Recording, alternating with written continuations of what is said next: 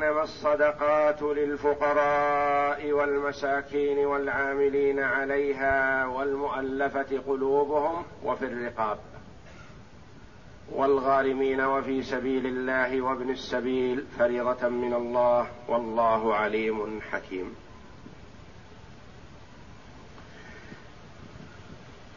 لما تكلم المنافقون في النبي صلى الله عليه وسلم ولمزوه في الصدقة وعابوه لهوى في أنفسهم وضغينه في قلوبهم وبغض لرسول الله صلى الله عليه وسلم. رد الله جل وعلا عليهم ما افتروه على رسوله صلى الله عليه وسلم بأن قسمة الصدقات لم يجعلها الله جل وعلا لمحمد صلى الله عليه وسلم ولا لغيره وإنما تولاها بذاته وأن الرسول صلى الله عليه وسلم يقسم كما أمره الله. ولا يأخذ لنفسه شيئا ولا لأهل بيته. وهي محرمة عليه وعلى أهل بيته. صلى الله عليه وسلم.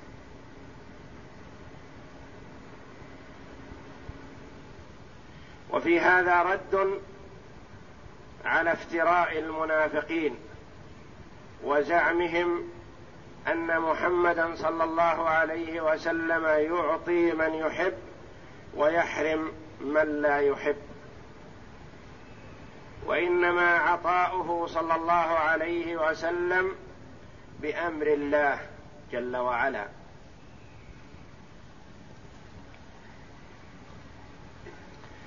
فقد جاء رجلان إلى النبي صلى الله عليه وسلم وطلبا منه أن يعطيهما من الصدقة. فقال عليه الصلاة والسلام إن الله لم يرضى بحكم نبي ولا غيره في الصدقات حتى حكم فيها هو فجزأها ثمانية أصناف. فإن كنت يقول للسائل فإن كنت من تلك الأجزاء أعطيتك.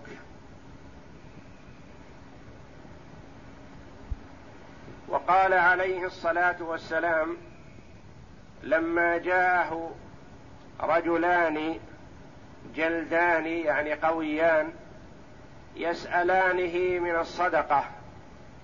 قال عليه الصلاة والسلام لما صوب فيهما النظر يعني تأملهما قال إن شئتما أعطيتكما ولا حظ فيها لغني ولا لقوي. مكتسب إن شئتما أعطيتكما إن كنتما من أهل الصدقة. وأعلمهما عليه الصلاة والسلام بأنه لا حظ فيها لغني. فإذا أخذ الغني من الصدقة فقد أخذ غير ما يستحق. وحينئذ يكون أخذ حق غيره. يكون حينئذ مغتصب آخذ ما لا يحل له. هذا المال لأناس مخصوصين بين الله جل وعلا صفاتهم. فمن أخذ منه وهو منهم فهو حل له. ومن أخذ وهو ليس منهم فلا يحل له. ولا يبارك له فيه. ويدخل عليه بالنقص. ويؤثر عليه في دينه. ودنياه لأنه أكل مالا بالحرام لا يحل له. فكأنه أخذه من مستحقيه وأكله. لا حظ فيها لغني ولا لقوي مكتسب.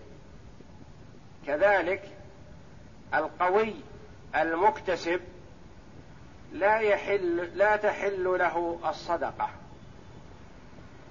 يكون قويا ما عنده مال لكنه يستطيع أن يعمل يكسب قوت يومه وزيادة. لا تحل له الصدقة. يكتسب لكنه الآن لا يستطيع لضعف في بدنه تحل له الصدقة. قوي في بدنه لكن لا يستطيع أن يكتسب. لا تتهيأ له أسباب الكسب ولا يستطيع ذلك تحل له الصدقة.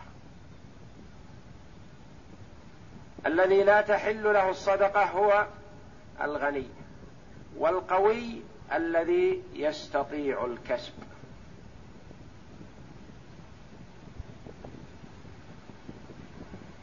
فالله جل وعلا بين أهل الزكاة أهل الصدقة الذين تحل لهم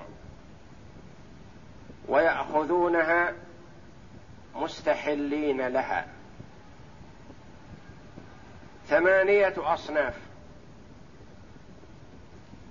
بينهم جل وعلا بأنهم الفقراء والمساكين والعاملون على الصدقة والمؤلفة قلوبهم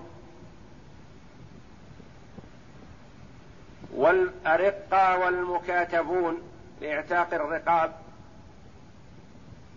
والغارمون لديون عليهم أو لإصلاح ذات البين والمجاهدون في سبيل الله وابن السبيل. ثمانية.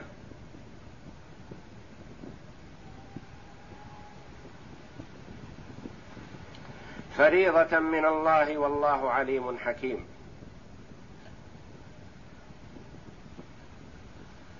فالله جل وعلا حينما شرع الصدقات وأوجبها على الأغنياء في أموالهم للفقراء لحكمة يعلمها جل وعلا. وذلك أن الله جل وعلا تكفل بأرزاق عباده.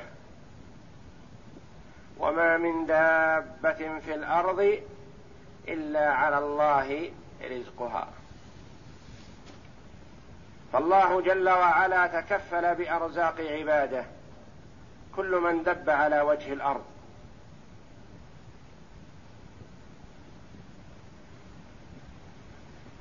وتفضل على من شاء من خلقه بالأموال. وامتحنهم واختبرهم في شكرها. ومن شكرها إعطاء ما أوجب الله فيها.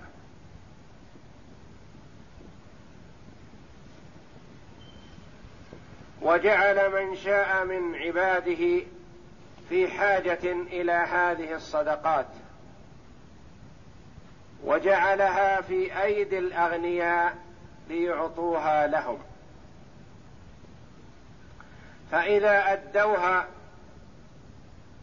أداها الأغنياء فذلك من شكرهم لله جل وعلا وعلامة على فوزهم وسعادتهم ونجاحهم في هذا الامتحان.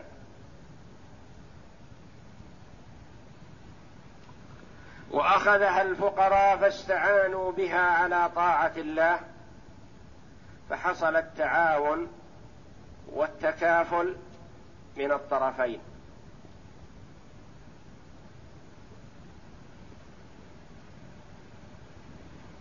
وما منع الأغنياء زكاة أموالهم إلا منعوا حق الفقراء واستحلوا ما ليس لهم. فأكلوا الحرام وعصوا الله وأخفقوا في هذا الامتحان وصارت أموالهم نقمة عليهم في الدنيا والآخرة. تعب عليهم في الدنيا يتعبون في جمعها ويحرصون على ذلك ويتفانون في جمع الأموال ثم يتركونها خلفهم وعليهم الحساب ولغيرهم الثمرة ويحاسبون عليها في الدار الآخرة ويعذبون بها. كما قال الله جل وعلا والذين يكنزون الذهب والفضة ولا ينفقونها في سبيل الله فبشرهم بعذاب أليم. يوم يحمى عليها في نار جهنم فتكوى بها جباههم وجنوبهم وظهورهم. هذا ما كنزتم لأنفسكم فذوقوا ما كنتم تكنزون.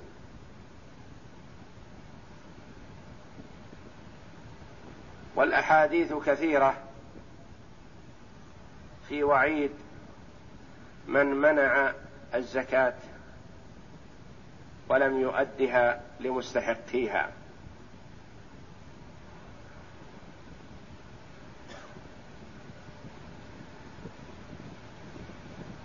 والله جل وعلا يعوض الفقير إذا لم يعطه الغني يعوضه خيرا فيصبر فيؤجر ويحتسب باحتسابه يؤجر باحتسابه.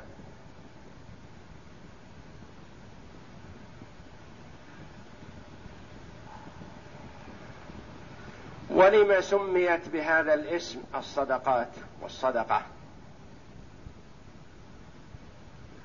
لأنها كما قال بعض العلماء تنبي عن صدق مؤديها في إيمانه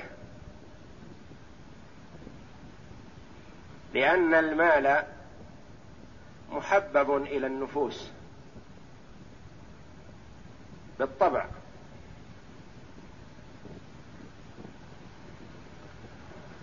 فإذا كان محببا إلى النفوس ثم إن المؤمن سارع في بذل ما يحب كما أمره الله جل وعلا فهذا دليل على صدق إيمانه وأنه مؤمن بالله جل وعلا حقا. ثم إن التكاليف البدنية قد يؤديها الكثير من الناس وتسهل عليهم. لكن إخراج الدراهم يشق إلا على من وفقه الله.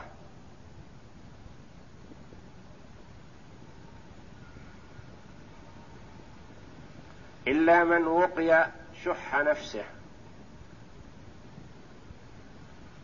ومن يوق شح نفسه فأولئك هم المفلحون.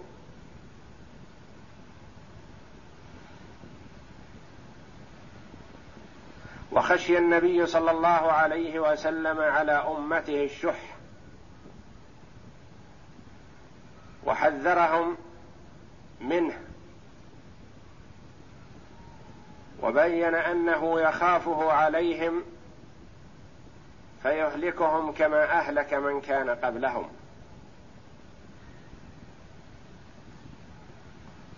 وشح المرء يحمله على ترك الواجب عليه وعدم أدائه ويحمله على أكل الحرام. ويحمله على التعدي على الآخرين من أجل أموالهم.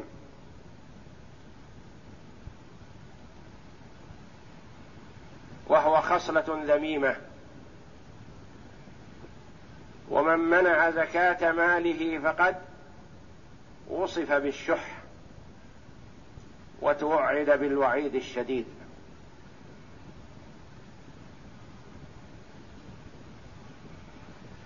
وتسمى الزكاة الصدقة بزك بالزكاة.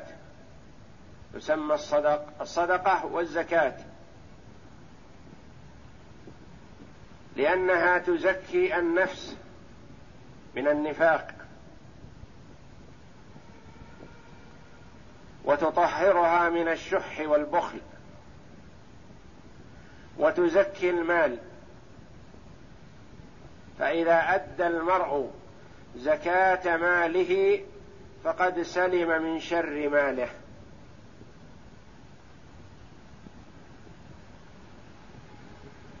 وتنميه ما نقص مال من صدقة بل تزده بل تزده.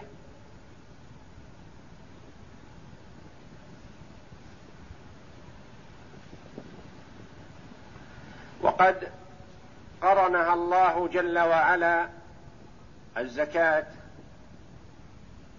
في محكم كتابه مع الصلاة في اثنتين وثمانين آية من كتابه العزيز. وقاتل أبو بكر رضي الله عنه مانع الزكاة. مع شهادتهم أن لا إله إلا الله وأن محمدا رسول الله. ولما راوده الصحابة رضوان الله عليهم في قولهم له ومن ذلك عمر ومنهم عمر كيف تقاتل الناس؟ وقد قال رسول الله صلى الله عليه وسلم أمرت أن أقاتل الناس حتى يشهدوا أن لا إله إلا الله وأن محمدا رسول الله. فقال رضي الله عنه لأقاتلن من فرق بين الصلاة والزكاة. والله لو منعوني عناقا وفي رواية عقالا كانوا يؤدونه إلى النبي صلى الله عليه وسلم لقاتلتهم على منعه. ومن جحد وجوب الزكاة كفر بإجماع المسلمين. من جحد وجوبها قال ليست بواجبة. فهذا كافر بإجماع المسلمين. ومن اعترف بوجوبها ولم يؤدها أخذت منه قهرا. ويرى بعض العلماء أن تؤخذ منه وشطر ماله تعزيرا. يعزر بأن تؤخذ منه الزكاة ونصف ماله أو ما يراه الحاكم.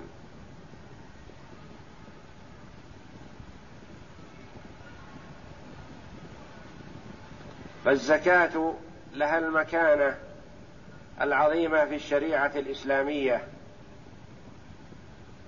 وهي ثالثة أركان الإسلام. أولها الشهادتان ثم الصلاة ثم الزكاة.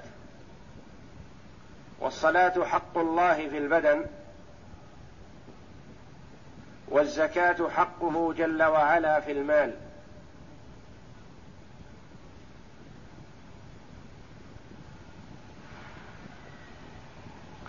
بين جل وعلا في هذه الآية أهلها. من أجل الا يأخذها من لا يستحقها. ومن أجل أن يحرص مؤديها على أن يعطيها أهلها. وإلا فلا تبرأ ذمته. إذا أعطاها غير أهلها مع علمه فلا تبرأ ذمته. تكون في ذمته دينا عليه.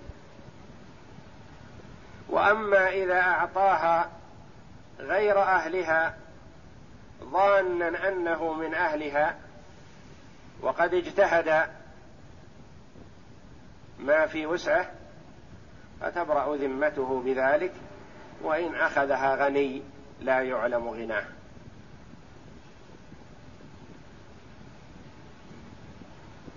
قال جل وعلا إنما الصدقات للفقراء والمساكين والعاملين عليها. إنما أداة حصر.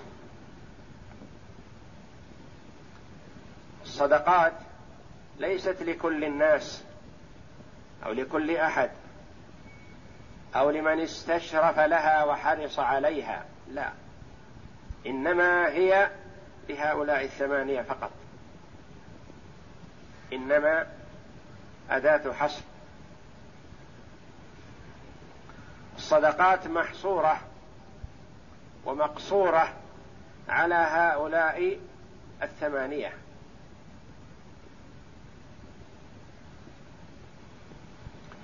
للفقراء والمساكين. الفقراء صنف والمساكين صنف. الصنف الثاني. من هم الفقراء ومن هم المساكين. اختلف العلماء في ذلك اختلافا كثيرا إلا أنهم اتفقوا على أنه المحتاج.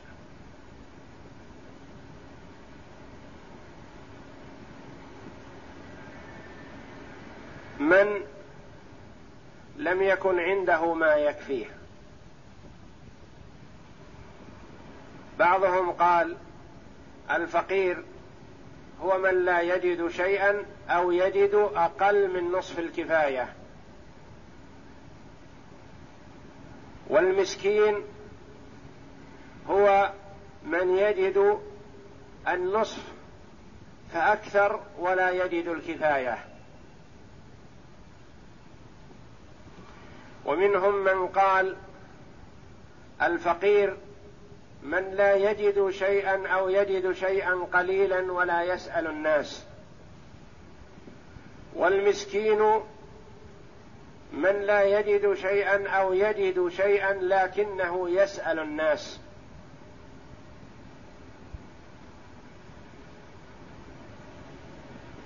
ومنهم من قال الفقير هو المحتاج مع قوته. والمسكين هو المحتاج مع إصابته بعاهة.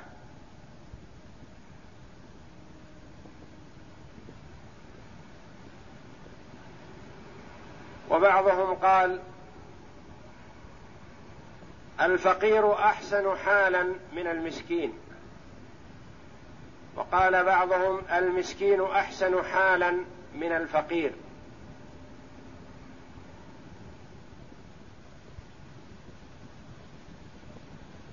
والنبي صلى الله عليه وسلم استعاذ بالله من الفقر.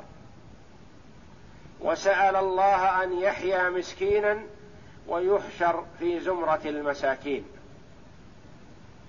فالمسكين أحسن حالا كما دل عليه الحديث من الفقير. ولعل المراد به ما قاله بعض العلماء بأنه من يجد شيئا من الكفاية ولا يجد الكفاية كاملة.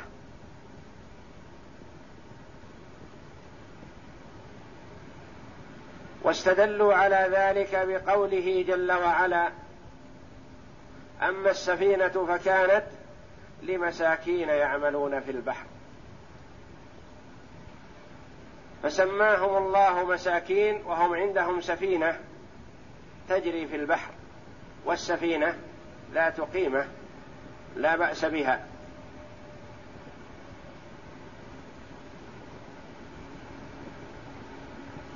وبعضهم قال لا دليل في هذه الآية لأن السفينة قد تكون لغيرهم وإنما هم عمال فيها.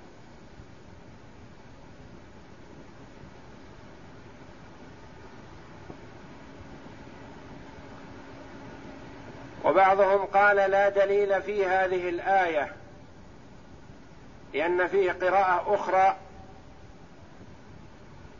أما السفينة فكانت لمساكين يعملون في البحر يشتغلون في المسوك يعني في الجلود دباغين. قراءة في هذه الآية مساكين. يعني يشتغلون في المسوك التي هي الجلود ولا يملكون سفينة. وعلى كل فهما صنفان من المستحقين للصدقات. والكل مجمع على أنهم في حاجة إلى الصدقات في ذات أنفسهم.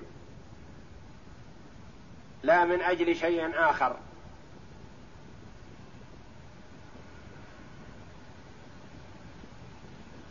والعاملين عليها هذا الصنف الثالث من أهل الصدقات وهم الذين يبعثهم الإمام لجمع الصدقات وتوزيعها على مستحقيها. والواجب على الإمام أن يبعث السعاة من أجل أن ياخذوا الصدقات من أهلها ويردوها على مستحقيها. ولا يكلهم الإمام لأنفسهم يخشى أن لا يؤدوها كاملة أو يشق عليهم إحضارها للإمام. أو في المكان المخصص. فالإمام مأمور بأن يبعث السعاة ليجمعوا الصدقات ويفرقوها على المستحقين. ولهؤلاء السعاة نصيب من الصدقة وإن كانوا أغنياء. وهل نصيبهم الثمن قلت أو كثرت أم نصيبهم بقدر عملهم؟ قولان للعلماء والمشهور الثاني بقدر عملهم.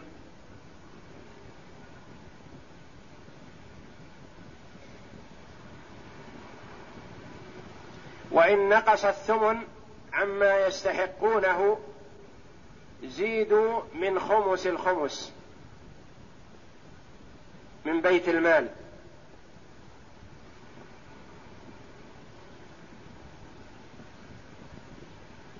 والمراد العمال إذا لم يكن لهم رزق من بيت المال ولم يكونوا موظفين يستلمون رواتب.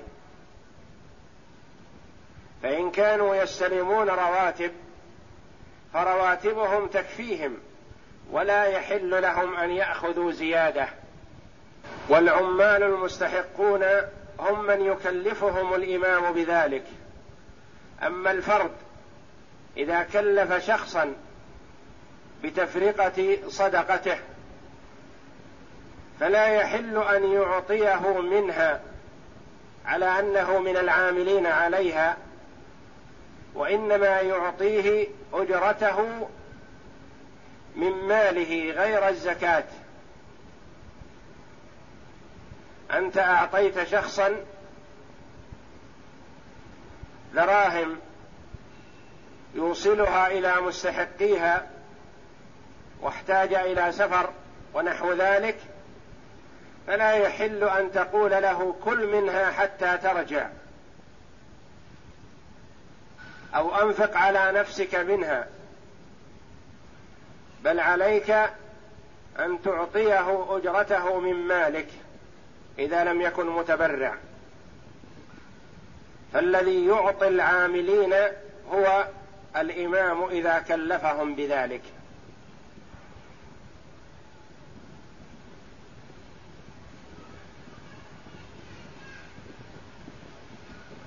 وهل يكون العامل ممن لا تحل له الصدقة لكونه غني أو لكونه من أهل البيت من بيت النبي صلى الله عليه وسلم من بني هاشم أو لا يكون.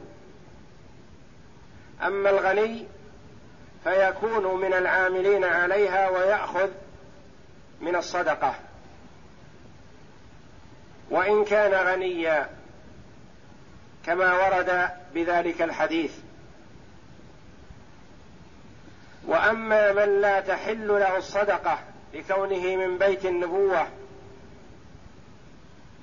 من بني هاشم فلا يكون عاملا على الصدقة وإن كان عاملا فلا يأخذ إجرته منها وإنما يأخذ من بيت المال.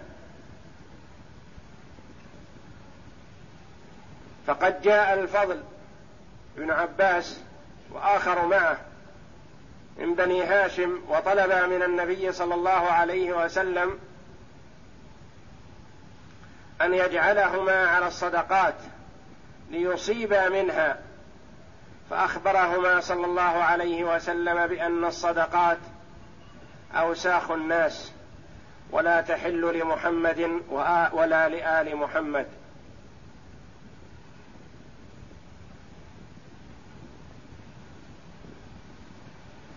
فالعامل على الصدقات يكون غنيا ويأخذ مقابل عمله منها وإن كان غنيا. وأما من بني هاشم فلا يأخذ منها.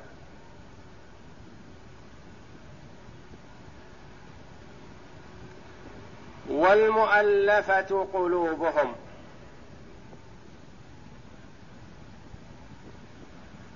المؤلفة قلوبهم. مؤلفة.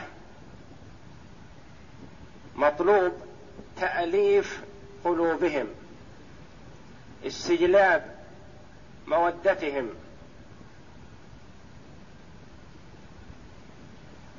هؤلاء أصناف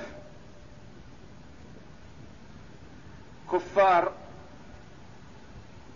ومسلمون مسلمون أقوياء الإيمان. أو ضعفاء الإيمان. رؤساء قبائل وعشائر يعطون لمصلحة الإسلام والمسلمين لا لمصلحتهم الخاصة وإنما من أجل مصلحة المسلمين.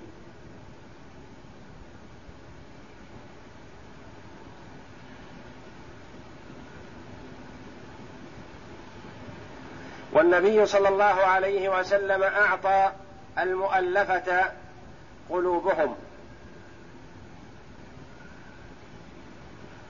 أعطى كافرا صفوان بن أمية من غنائم حنين قبل أن يسلم صفوان. وأعطى مسلمة الفتح قبل أن يتمكن الإيمان من قلوبهم.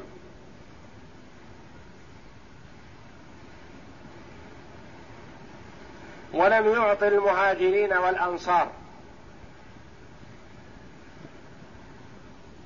اطمئنانا على ما في قلوبهم من الإيمان بالله ورسوله.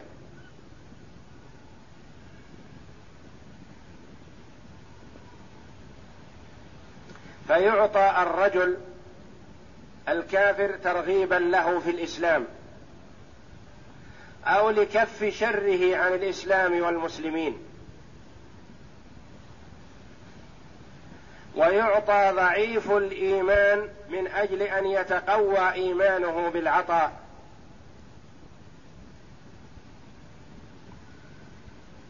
ويعطى رئيس القبيلة من أجل أن يمنع قبيلته من التعدي على أموال المسلمين. ويعطى رئيس القبيلة المسلم وإن كان مؤمنا من أجل أن يؤمن ويسلم نظيره وشبيهه. نعطي هذا من أجل أن يأتينا الآخر البعيد الذي لم يسلم بعد. حينما رآنا أعطينا المسلم رئيس القبيلة أو العشيرة أو المعظم في قومه أعطيناه لعل ذاك يأتينا من أجل من أجل هذا العطاء.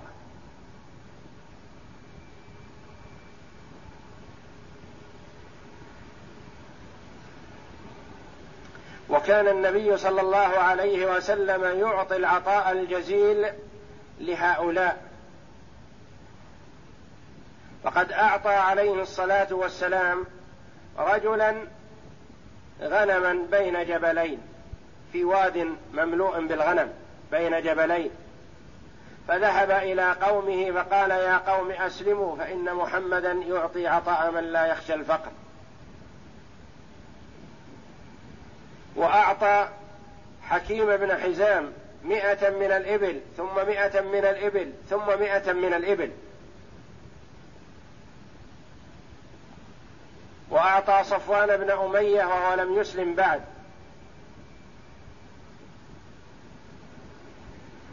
وأعطى شيبة بن عثمان الذي هم بقتل النبي صلى الله عليه وسلم.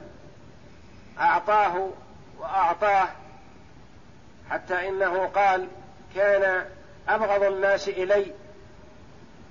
ثم صار بعد ذلك محمد صلى الله عليه وسلم أحب الناس إلي ملك قلبه عليه الصلاة والسلام بالعطاء. وقد هم بقتل النبي صلى الله عليه وسلم وخرج معه إلى حنين وهو لم يتمكن الإيمان من قلبه أظهر الإسلام فقط. وكان يترصد للنبي صلى الله عليه وسلم من خلفه يريد قتله.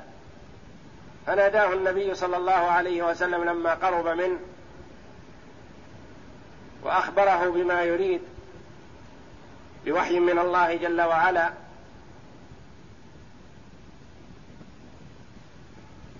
وقرب من النبي صلى الله عليه وسلم وهو يرتعد فوضع النبي صلى الله عليه وسلم يده على صدره فسكن قلبه ودعا له فآمن رضي الله عنه وحسن إيمانه.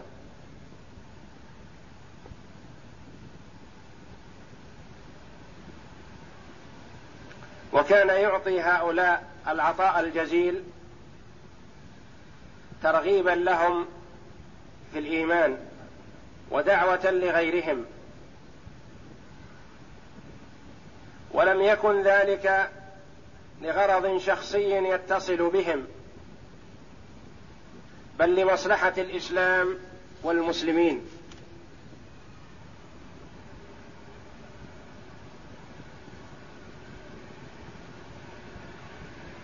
اذا فالمؤلفة قلوبهم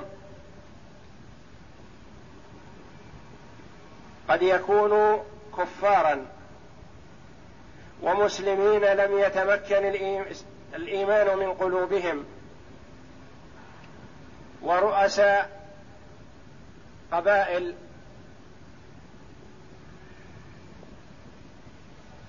ومن على أطراف بلاد المسلمين من أجل حماية الثغور.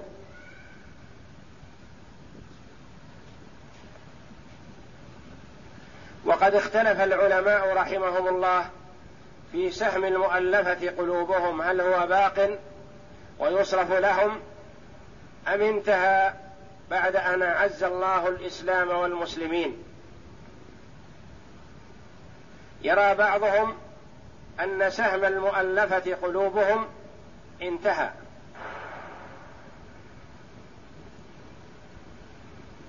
فعمر رضي الله عنه لما جاء أبو سفيان يريد العطاء الذي كان يعطاه في زمن النبي صلى الله عليه وسلم وفي زمن أبي بكر.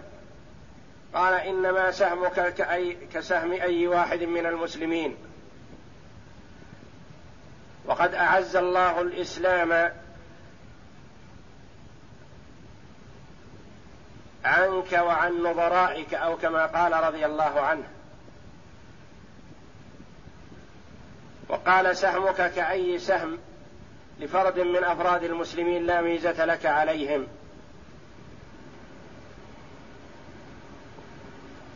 فيرى بعض العلماء أنه لما أعز الله الإسلام والمسلمين وصار المسلمون ليسوا بحاجة إلى المؤلفة قلوبهم أن سهمهم انتهى ويرد على بقية الأصناف.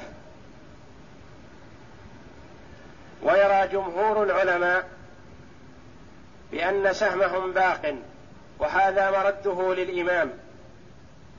إذا رأى المصلحة في إعطاء شخص أو أشخاص من الزكاة لمصلحة الإسلام والمسلمين فله ذلك. والمؤلفة قلوبهم لا يعطيهم الأفراد وإنما الذي يعطيهم الإمام. فإذا رأى المصلحة في إعطاء هذا من أجل كف شره أو تقوية إيمانه أو درء مفسده قد تحصل من قومه أو لحماية ما حوله من الجهاد وسواء كان شره باللسان أو بالفعل فإذا رأى الإمام المصلحة في إعطائه أعطاه. وهذا هو قول جمهور العلماء رحمهم الله.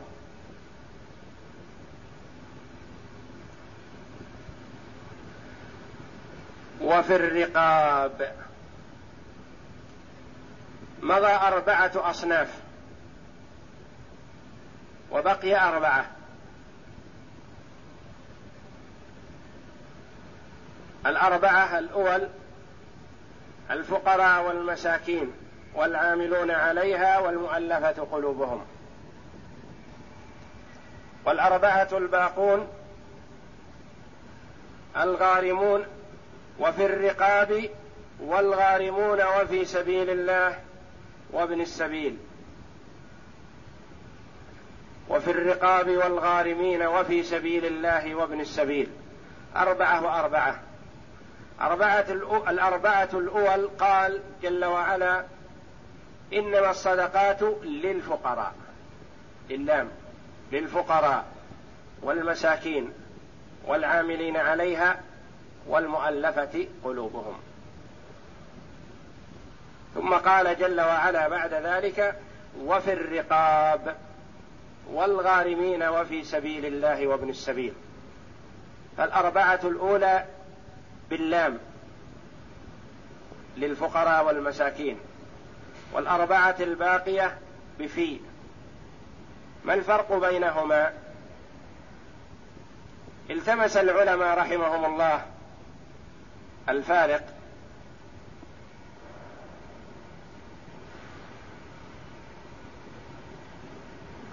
فقال بعضهم اللام في الأربعة الأول للملك لأن هؤلاء يأخذون الزكاة ويتصرفون فيها كيفما شاءوا هي ملك من أملاكهم.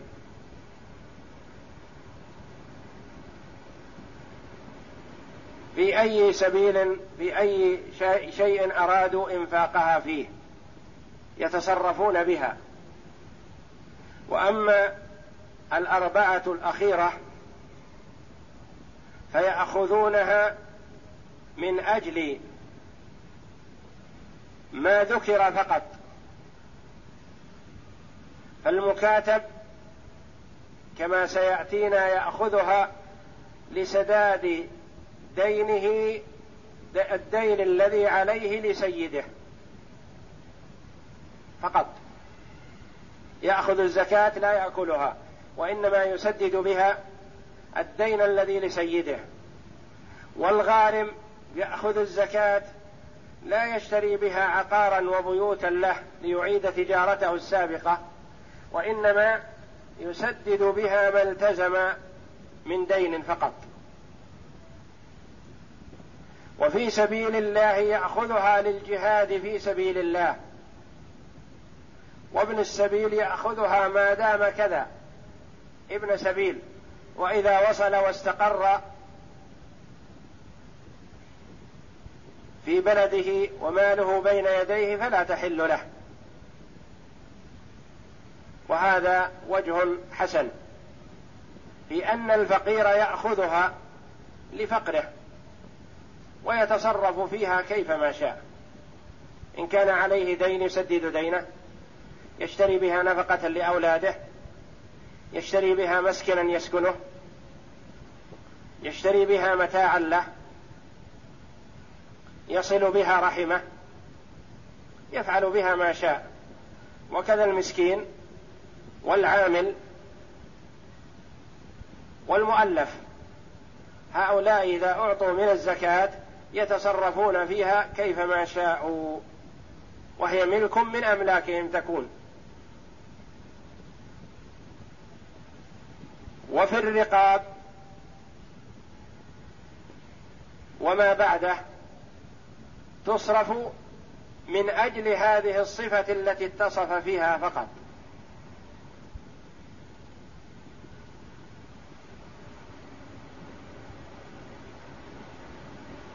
وفي الرقاب يعني أن الزكاة تعطى لشراء الرقاب المسلمة لتعتق.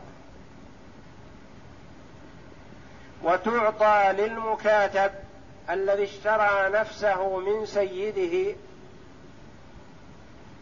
على نجوم يؤديها فيعان على دينه أو يعطى كامل دينه من أجل أن يعتق. لكن هل له أن يأخذ الزكاة ويشتري بها بيتا أو يتصدق بها أو يصل بها رحمه أو ينفقها أو نحو ذلك؟ ليس له ذلك. هذا على توجيه بعض العلماء رحمهم الله استفادة من ورود في بعد اللام. اللام في الأربعة الأولى وفي في الأربعة الباقية. وفي الرقاب تصرف الزكاة في شراء الرقاب المسلمة المملوكة. رقيق مملوك. يشترى من مال الزكاة فيعتق. رقيق اشترى نفسه من سيده على أن يعطي سيده في كل شهر كذا أو في كل سنة كذا فنعطيه هذه الأقساط من مال الزكاة فيعتق. وألحق بذلك العلماء الأسرى من المسلمين في أيدي الكفار. يكون الجهاد من المسلمين للكفار. فقد يقبض الكفار على بعض المجاهدين من المسلمين فيكون اسيرا عندهم. ولا يطلقه إلا بمال. فندفع الفداء من أجل أن يطلق الكافر هذا المسلم الذي وقع اسيرا في يده. وفي الرقاب والغارمين. الغارم هو من لحقه غرامة مالية. عليه دين كثير. إما استدان لحظ نفسه وخسر وتراكمت عليه الديون يعطى من الزكاة سداد دينه. هذا يقال غارم لحظ نفسه. الآخر غارم لإصلاح ذات البين.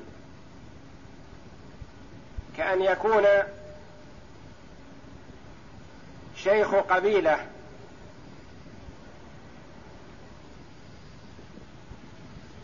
حصل قتال بين فئتين.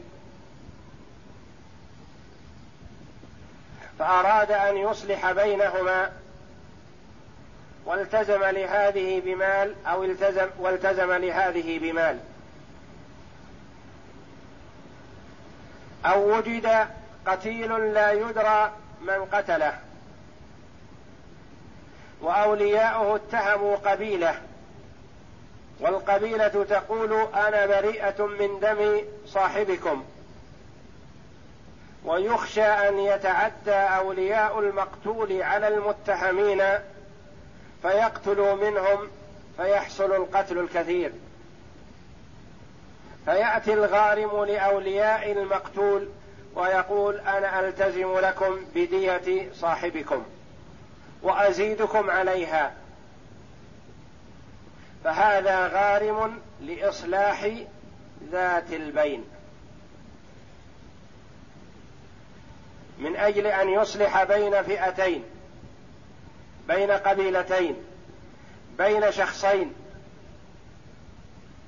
فإذا غرم هذا المال لإصلاح ذات البين فنعطيه من الصدقة لسداد ما التزم به وإن كان غنيا.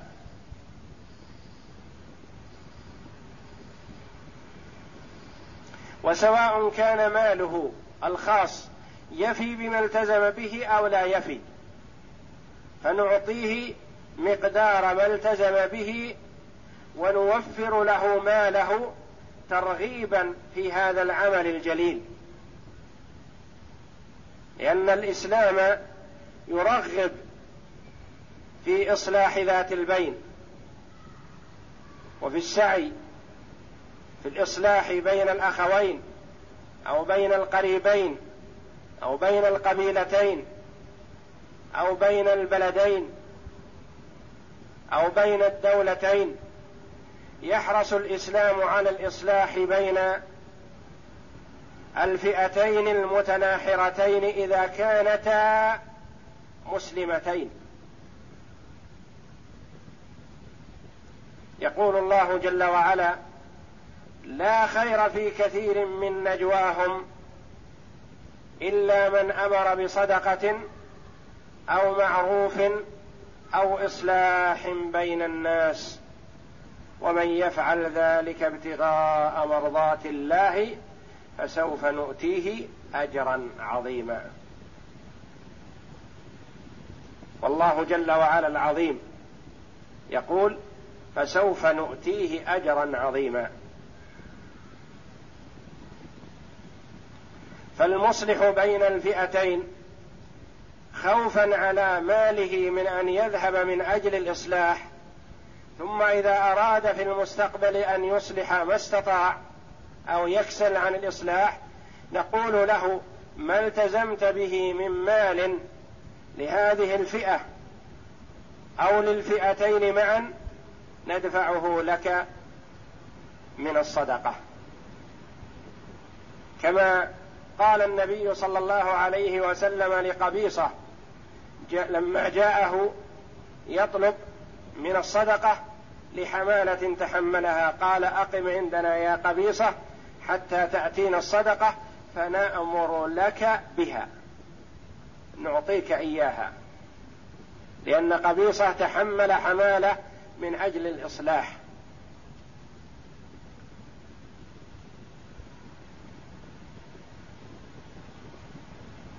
قد يكون الدين على الشخص الذي لحظ نفسه نتيجة سفه وفسق وأعمال غير صالحة. وتراكمت عليه الديون. فهل نعطيه من الصدقة؟ الجواب لا نعطيه من الصدقة حتى يتوب. إذا تاب وظهر لنا أمارات وعلامات صدقه في التوبة أعطيناه من الصدقة لسداد دينه. أما إذا كانت نتيجة أعمال غير صالحة وهو على حالته فلا يجوز لنا أن نسدد دينه من الصدقة. لا نسدد من الصدقة إلا إذا تاب وظهرت علامات توبته واضحة. ولا يعطى هذا لسداد دينه وله عقار أو مال حتى يستوفيه يصرفه كله في السداد وما بقي يعطى من الصدقة. وأما الغارم لإصلاح ذات البين فيعطى من الصدقة وإن كان غنيا ويوفر له ماله. لأن نفع الأخير متعدي والأول نفعه قاصر على صاحبه. اذا فالغارم لإصلاح ذات البين الغارم نوعان غارم لدين عليه خاصة وغارم لإصلاح ذات البين. الغارم لدين عليه خاصة لا نعطيه من الزكاة وله عقار. يكون الشخص له مال عظيم فخسر خسارة عظيمة وتراكبت عليه الديون لكن له عقار ويريد أن يوفر عقاره ويأخذ من الزكاة ليسدد ديونه. هل يعطى؟ لا. حتى يصرف عقاره في سداد الديون وما بقي يسدد من الزكاة. الغارم لإصلاح ذات البين يوفر له ماله ويعطى من الزكاة ترغيبا له ولنظرائه في هذا العمل.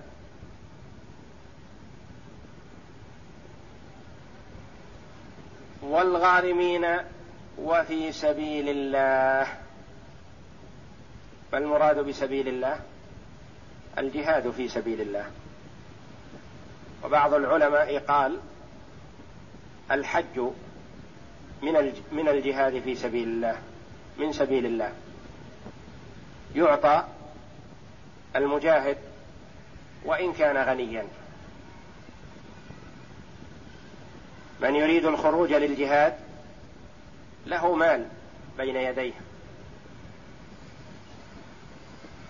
يريد أن يوفره لأولاده لأنه يتوقع الا يرجع إليهم. فلا يحب أن يفجأهم بنفسه وماله ويبقون عالة على المجتمع. فأحب أن يبقي ماله لولده ولأهله. نعطيه من الزكاة ليخرج به للجهاد. ترغيبا له في هذا العمل. لأن الجهاد فيه إعزاز للإسلام والمسلمين. وفيه قمع للكفار. وما ترك المسلمون الجهاد إلا ذلوا وضعفوا أمام أعدائهم.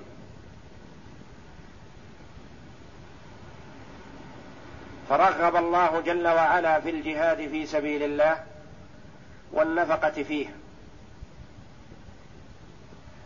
لأن من المسلمين من يستطيع الخروج بنفسه.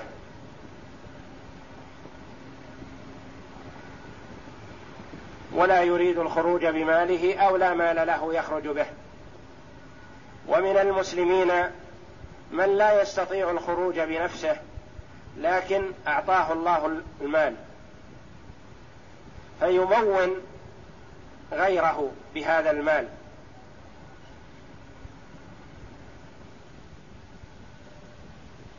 فمن أراد الخروج في سبيل الله يعطى من الزكاة وإن كان